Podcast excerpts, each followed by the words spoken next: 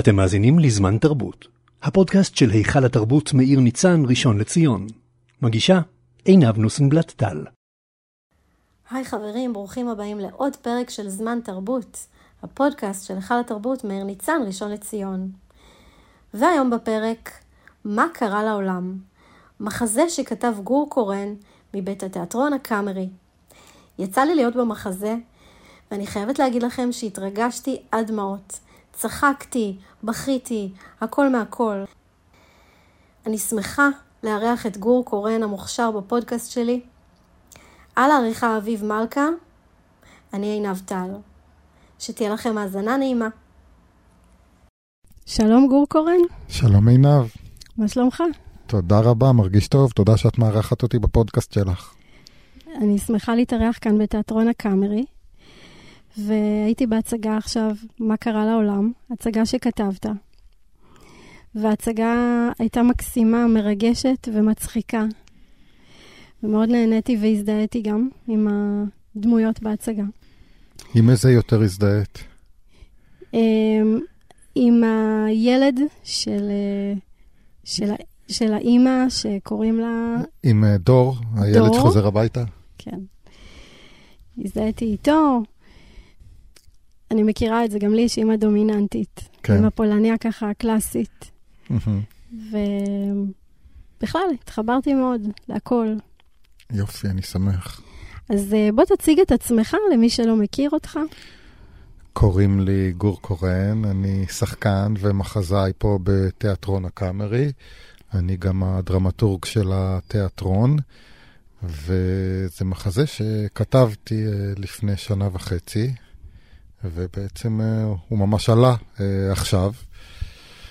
זהו, אני כותב בעיקר פה בתיאטרון אה, מחזות, משחק, גם בטלוויזיה, גם פה יצא לי הצגות. איזה תפקידים, באיזה סדרות, סרטים שיחקת? שיחקתי בחזרות, בסדרה חזרות. Mm-hmm. בעונה האחרונה של קופה ראשית שיחקתי פרק אחד. שיחקתי בכמה סדרות נוער, האחיין שלי בנץ. דריימרס, עוד כמה סדרות. עכשיו מההתרגשות, אני שוכח. הכל בסדר. אז אה, בוא נדבר קצת על העבר שלך. איך הגעת בעצם לעולם התיאטרון? עבדתי ב, בעצם, ב, אחרי, אחרי הצבא עבדתי בתיאטרון בובות לילדים, ונשבתי בקסם הבמה, מה שנקרא, בקהל, והלכתי ללמוד משחק. וככה נכנסתי לזה, התאהבתי. למדת משחק בבית צבי? בית צבי, נכון. Mm-hmm. ואיך הגעת ל... לכתיבה, לכתוב אה, מחזות? תמיד רציתי לכתוב, בהתחלה בעיקר כתבתי שירים, וכשהייתי בבית צבי פתאום אה, הוקסמתי מהדבר הזה שנקרא מחזה, והתחלתי לנסות וללמוד את הדבר הזה שנקרא כתיבת אה, מחזות. עם השנים הלכתי ולמדתי את זה מהניסיון. איך לומדים, אה, זאת אומרת, זה משהו שלומדים אותו כמה שנים? לומדים בקורסים, אבל בלי לעשות את זה אי אפשר ללמוד. אז צריך שוב לעשות את זה ולהתאמן ולשנות ולשכתב שוב ושוב, עד שלומדים את זה לאט לאט. גם עכשיו אני עדיין לומד את זה. כן, אני, כמו שסיפרתי לך, גם התחלתי ללמוד uh, כתיבה מחזאית עם, עם מורה פרטי. ואני גם רוצה להגשים את החלום ולכתוב מחזה מתישהו. בקרוב, אני מקווה. מחזיק לך אצבעות עיניו. תודה רבה. אה, בוא נדבר על המחזה. בעצם אתה כתבת אותו בהשראת אה, סיפור החיים שלך? חלק מזה בחיים שלי, חלק לא, חלק דמיוני. המשפחה שלי יודעת מה אמיתי ומה לא. אוקיי. Okay. הצופים הם יכולים לשער שחלק אמיתי, חלק המצאתי. כן. מה זה מה, הם לא ידעו. אוקיי. Okay. בוא נדבר uh, על הדמויות בהצגה. אז יש את האימא, כן. שמשחקת אותה אודיה קורן. נכון. שהיא לא קרובת משפחה שלי. יש את האבא. את האבא שמשחקים אה, מוטי כץ ורמי ברוך, הם משחקים את התפקיד לסירוגין. יש את התפקיד של הבן שלה, הבן הבכור, קוראים לו דור, אה, משחק אותו ישי גולן. את אחותו משחקת נטע שפיגלמן.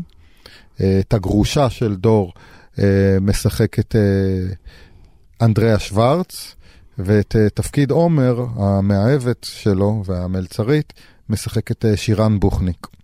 מהמם. אז אה, בעצם יש לנו כאן, אה, מי הדמות הראשית בעצם? אם יש בכלל... אה, אה, אפשר להגיד שהאימא היא בעצם הדמות ה- הראשית, כי היא בעצם עושה את הפעולה הגדולה של המחזה, שהיא מנסה לתקן את חיי הנישואים של הבן שלה. אה, והיא בעצם הגיבורה שהקהל הולך איתה בעצם את הדרך. יש כאן... למרות שגם הבן הוא כמובן הגיבור, כן. כי הוא זה שנזכר בסיפור הזה כמובן. בעצם יש ב, במחזה הזה הרבה חזרה בזמן, אחורה, קדימה, וכמעט כל המחזה, השחקנים נשארים על הבמה, אפשר להגיד. נכון, כמעט כל הזמן הם על הבמה, זה באמת כמו שאת אומרת, אז הסיפור הזה בהחלט מסופר בפלשבקים, ככה שהשחקנים גם הם צופים בסיפור הזה בעצמם. הם צופים בעצם, אה, אם, אם יש איזו סצנה שבעצם נניח אה, שניים מדברים, אז השניים האחרים בינתיים, זה, את זה אני לא יכולה להגיד כי אני לא רואה, אבל הם, הם נשארים על הבמה נכון, ו- ועושים משהו אחר. ונכון, הם צופים לרוב בסיפור הזה ומגיבים אליו. צופים, יפה, מיוחד. זה, זה, זה משהו קצת חדש בתיאטרון, או, ש, או שלא. עשו את זה. לא, עשו. לא אגיד שהמצאתי פה משהו, אבל זה מעניין, אין, אין ספק. כן, זה מעניין כי, כי, כי אין, אין את הרגעים האלה שבעצם התפאורה מתחלפת וכאלה נכון, דברים. זה ממש אה, רציף, המעבר בין הפלשבקים להווה, אה, בזכות הבמאית המצוינת תמר קינן, הם ממש אה, רציפים, וזה נראה כמו סרט בעצם, שאתה עובר מסצנה לסצנה בלי מעבר. כן. אוקיי, ויש כאן דינמיקה משפחתית. אה, משפחה כזאת, אה, אני ככה חושבת אשכנזית, קלאסית כזאת, אה, אני לא חושב. לא. זה משפחה מושבניקית, מושבניקית. די ארץ ישראלית, אני לא חושב שהם מהמם. אשכנזים או לא, זה ממש לא חלק מהסיפור בכלל. אוקיי, האימא, אימא דומיננטית כזאת. בהחלט. אפשר להגיד אבל אימא פולניה, לא? אפשר, אבל לדעתי זה לא. אוקיי. לדעתי לא אימא פולניה, אימא שלי לא הייתה פולניה, אוקיי. ובכל זאת זה אימא מאוד מאוד שאכפת לה מהילד שלה, כן. והיא ממש אה, רוצה אה, להציל אותו, אה, את חיי הנישואים שלו. אני חושב שבכל העדות, האימא מאוד אוהבת את הילדים שלה ורוצה שיהיה להם טוב, לא רק. הפולנים. בטוח. פשוט אה, זה מין, אה, אתה יודע, מין דבר כזה, אמירה כזאת, אה, אימא פולניה, זה כזה... כן, אבל בכל העדות נכון. אוהבים את הילדים, ואני נכון. מכיר אימא עיראקית אחת שעשתה דבר מאוד מאוד אה, דומה. אז אה, בעצם אה, היא, היא דומיננטית, אבל לפעמים מדי, נכון? זה כן. קשה. אה, אפשר להגיד שהיא, כן, הלכה שם רחוק מדי, בגלל זה זה סיפור שמספרים אותו בהחלט בתיאטרון, כן. כי היא הלכה שם גם לאיזה קיצוניות, אבל זה התחיל מאיזו אכפתיות אה, גדולה, והיא אמרה, טוב, אני אסדר גם את זה, ואני אסדר גם את זה, עד שהיא הלכה רחוק מאוד, יש שבאמת יגידו רחוק מדי. אפילו היא מודה בזה שזה היה רחוק מדי. באיזשהו שלב היא מודה בזה, זאת אומרת, אה, נכון, בסוף היא בסוף, מודה בזה. כן. זה, היא עוברת איזשהו תהליך עם עצמה. ממש ככה, כן. גם עם המחלה בעצם, היא, נכון. זה, זה גורם לה להבין כל מיני דברים. בטח, נכון מאוד.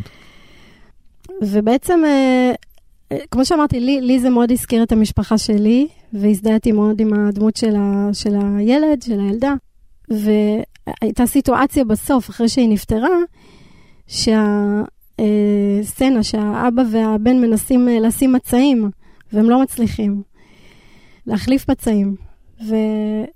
וחשבתי על זה באמת שיש... אה, גם אצלנו במשפחה, אה, אימא שלי, אה, כאילו, היא באמת עושה הכל, ולפעמים יש תחושה שהיא עושה הכל בשביל אנשים אחרים, וברגע ש... שהיא לא נמצאת, אז אנשים אחרים לא יודעים איך להתנהל. איך להתנהל ואיך לעשות דברים בסיסיים.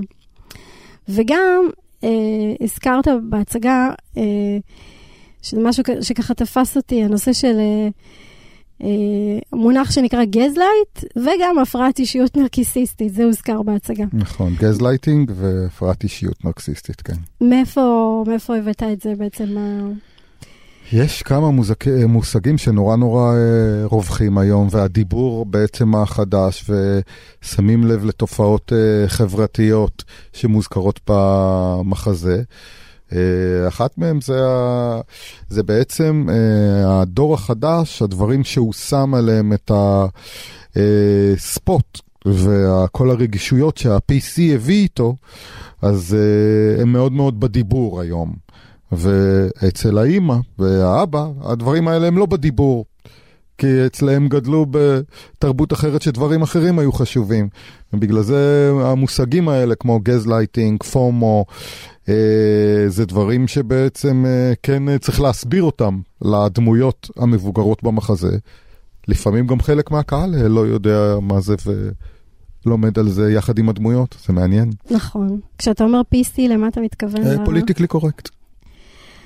אמ, באמת יש שם אה, מודעות, אה, אני לא יודעת, אני, אני נתקלת בזה, אני באופן אישי נתקלת בזה בכל מקום, ברשת וזה, לנושא הזה של הפרעת אישיות נרקיסיסטית, יש לזה, יש מודעות גדולה לדבר הזה. כן.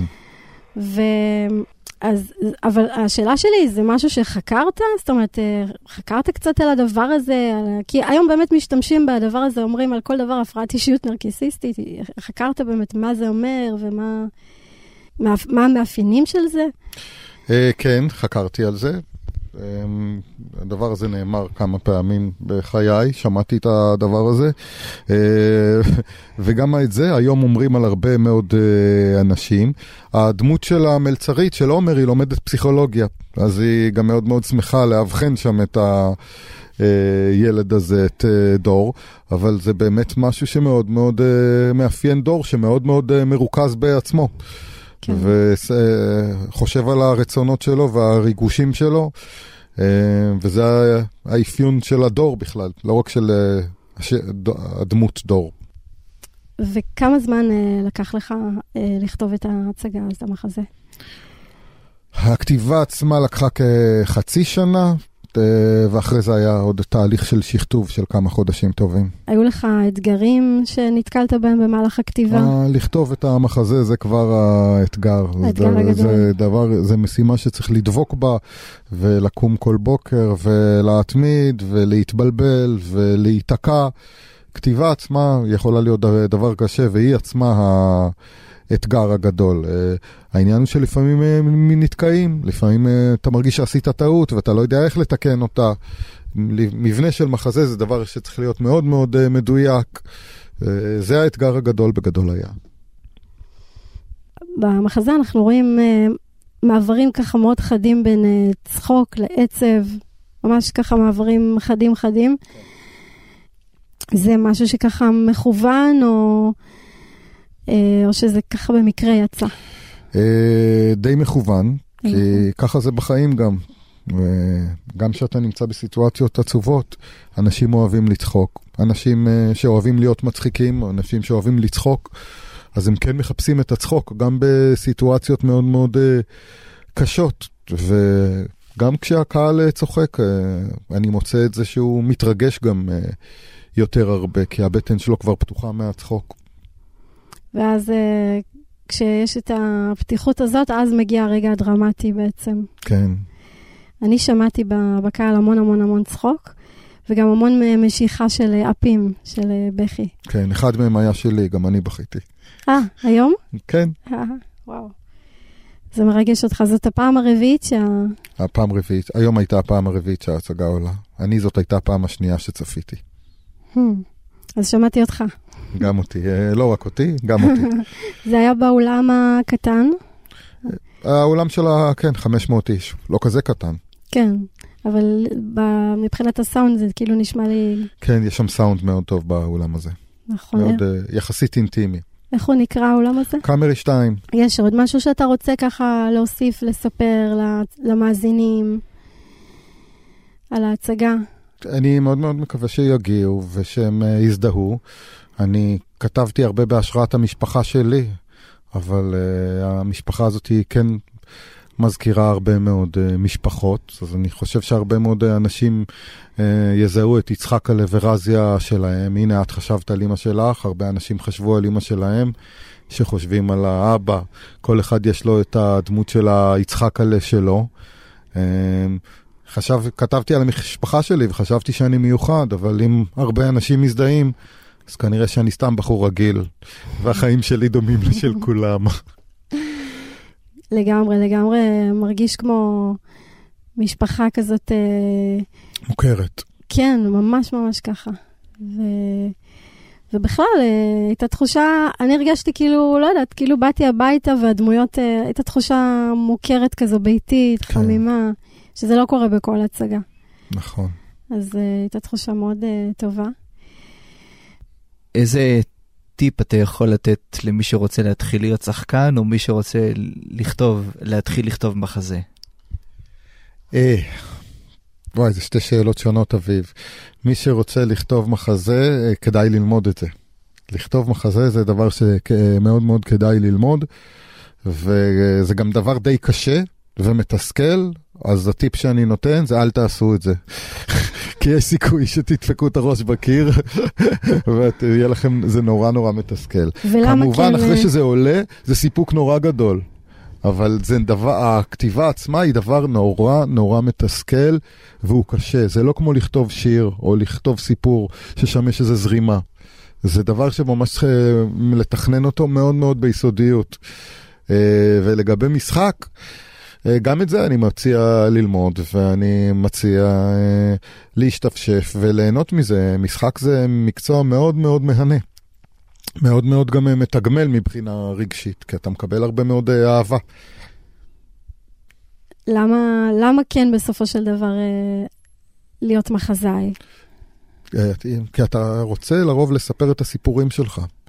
כן. אתה מאוד, יש איזה רצון לחשוף משהו מהחיים שלך, לספר סיפור שיגע באנשים, כי כשאנשים אומרים לי שהסיפור שלי נגע בהם, זה פשוט הרגשה מאוד מאוד מתגמלת. מאוד מאוד. זה נורא mm. נורא מרגש אפילו. תודה רבה, גור קורן. תודה, עינב. מאוד שמחתי להתארח בפודקאסט, ואנחנו מאוד מאוד שמחים להתארח כמובן בהיכל התרבות של ראשון לציון.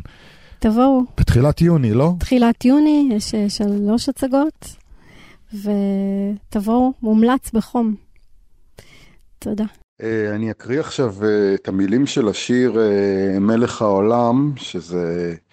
שיר אה, של שלמה ארצי, האמת שזה בעצם שיר שהוא עשה אה, עיבוד עברי, אה, תרגום לשיר לועזי, אבל המילים של שלמה ארצי גם מאוד מאוד מרגשות. השיר הזה מזכיר לי, הוא מזכיר לי כמובן ילד גדול שנמצא במשבר ואימא שלו עדיין מטפלת בו. אה, זה, השיר הזה נכתב הרבה הרבה לפני שהיה את המושג אה, עם ההליקופטר, אה, אבל אליי הוא מתחבר הרבה נקודות בחיים, ובטח למצב של דור, הגיבור של מה קרה לעולם, שחוזר לגור בבית. הנה המילים. שם בתוך מיטה מול קיר ענק כחול, קר וזול, לפעמים אתה נאנח בלי קול, ובכל זאת, אמא שם שומרת, גם כשאתה גדול, מחליפה לך בגדים, אומרת שאתה מלך הגברים. בשבילה אתה יכול להיות מה שבא לך לראש, למשל מלך החיות או מלך הערים, אם תטפס אי שם, קום תהיה כל מה שבא לך, כי בשבילה אתה תמיד מלך העולם. שם אתה תמיד, כל מה שתרצה, רק תבחר. כך היא אומרת, ואתה שואל, מה עוד אפשר? מה שלא הייתי, בטח לא אהיה. מחליפה לך בגדים, אומרת שאתה מלך הגברים. בשבילה אתה יכול להיות מה שבא לך לראש. למשל, מלך החיות או מלך הערים, אם תטפס אי שם, קום, תהיה כל מה שבא לך. כי בשבילה אתה תמיד תהיה מלך העולם. בשבילה אתה מלך השירים, בשבילה אתה יכול להיות מה שבא לך לראש. למשל, מלך החיות, או מלך הערים אם תטפס אי שם. קום, תהיה כל מה שבא לך. כי בשבילה אתה תמיד תהיה מלך העולם.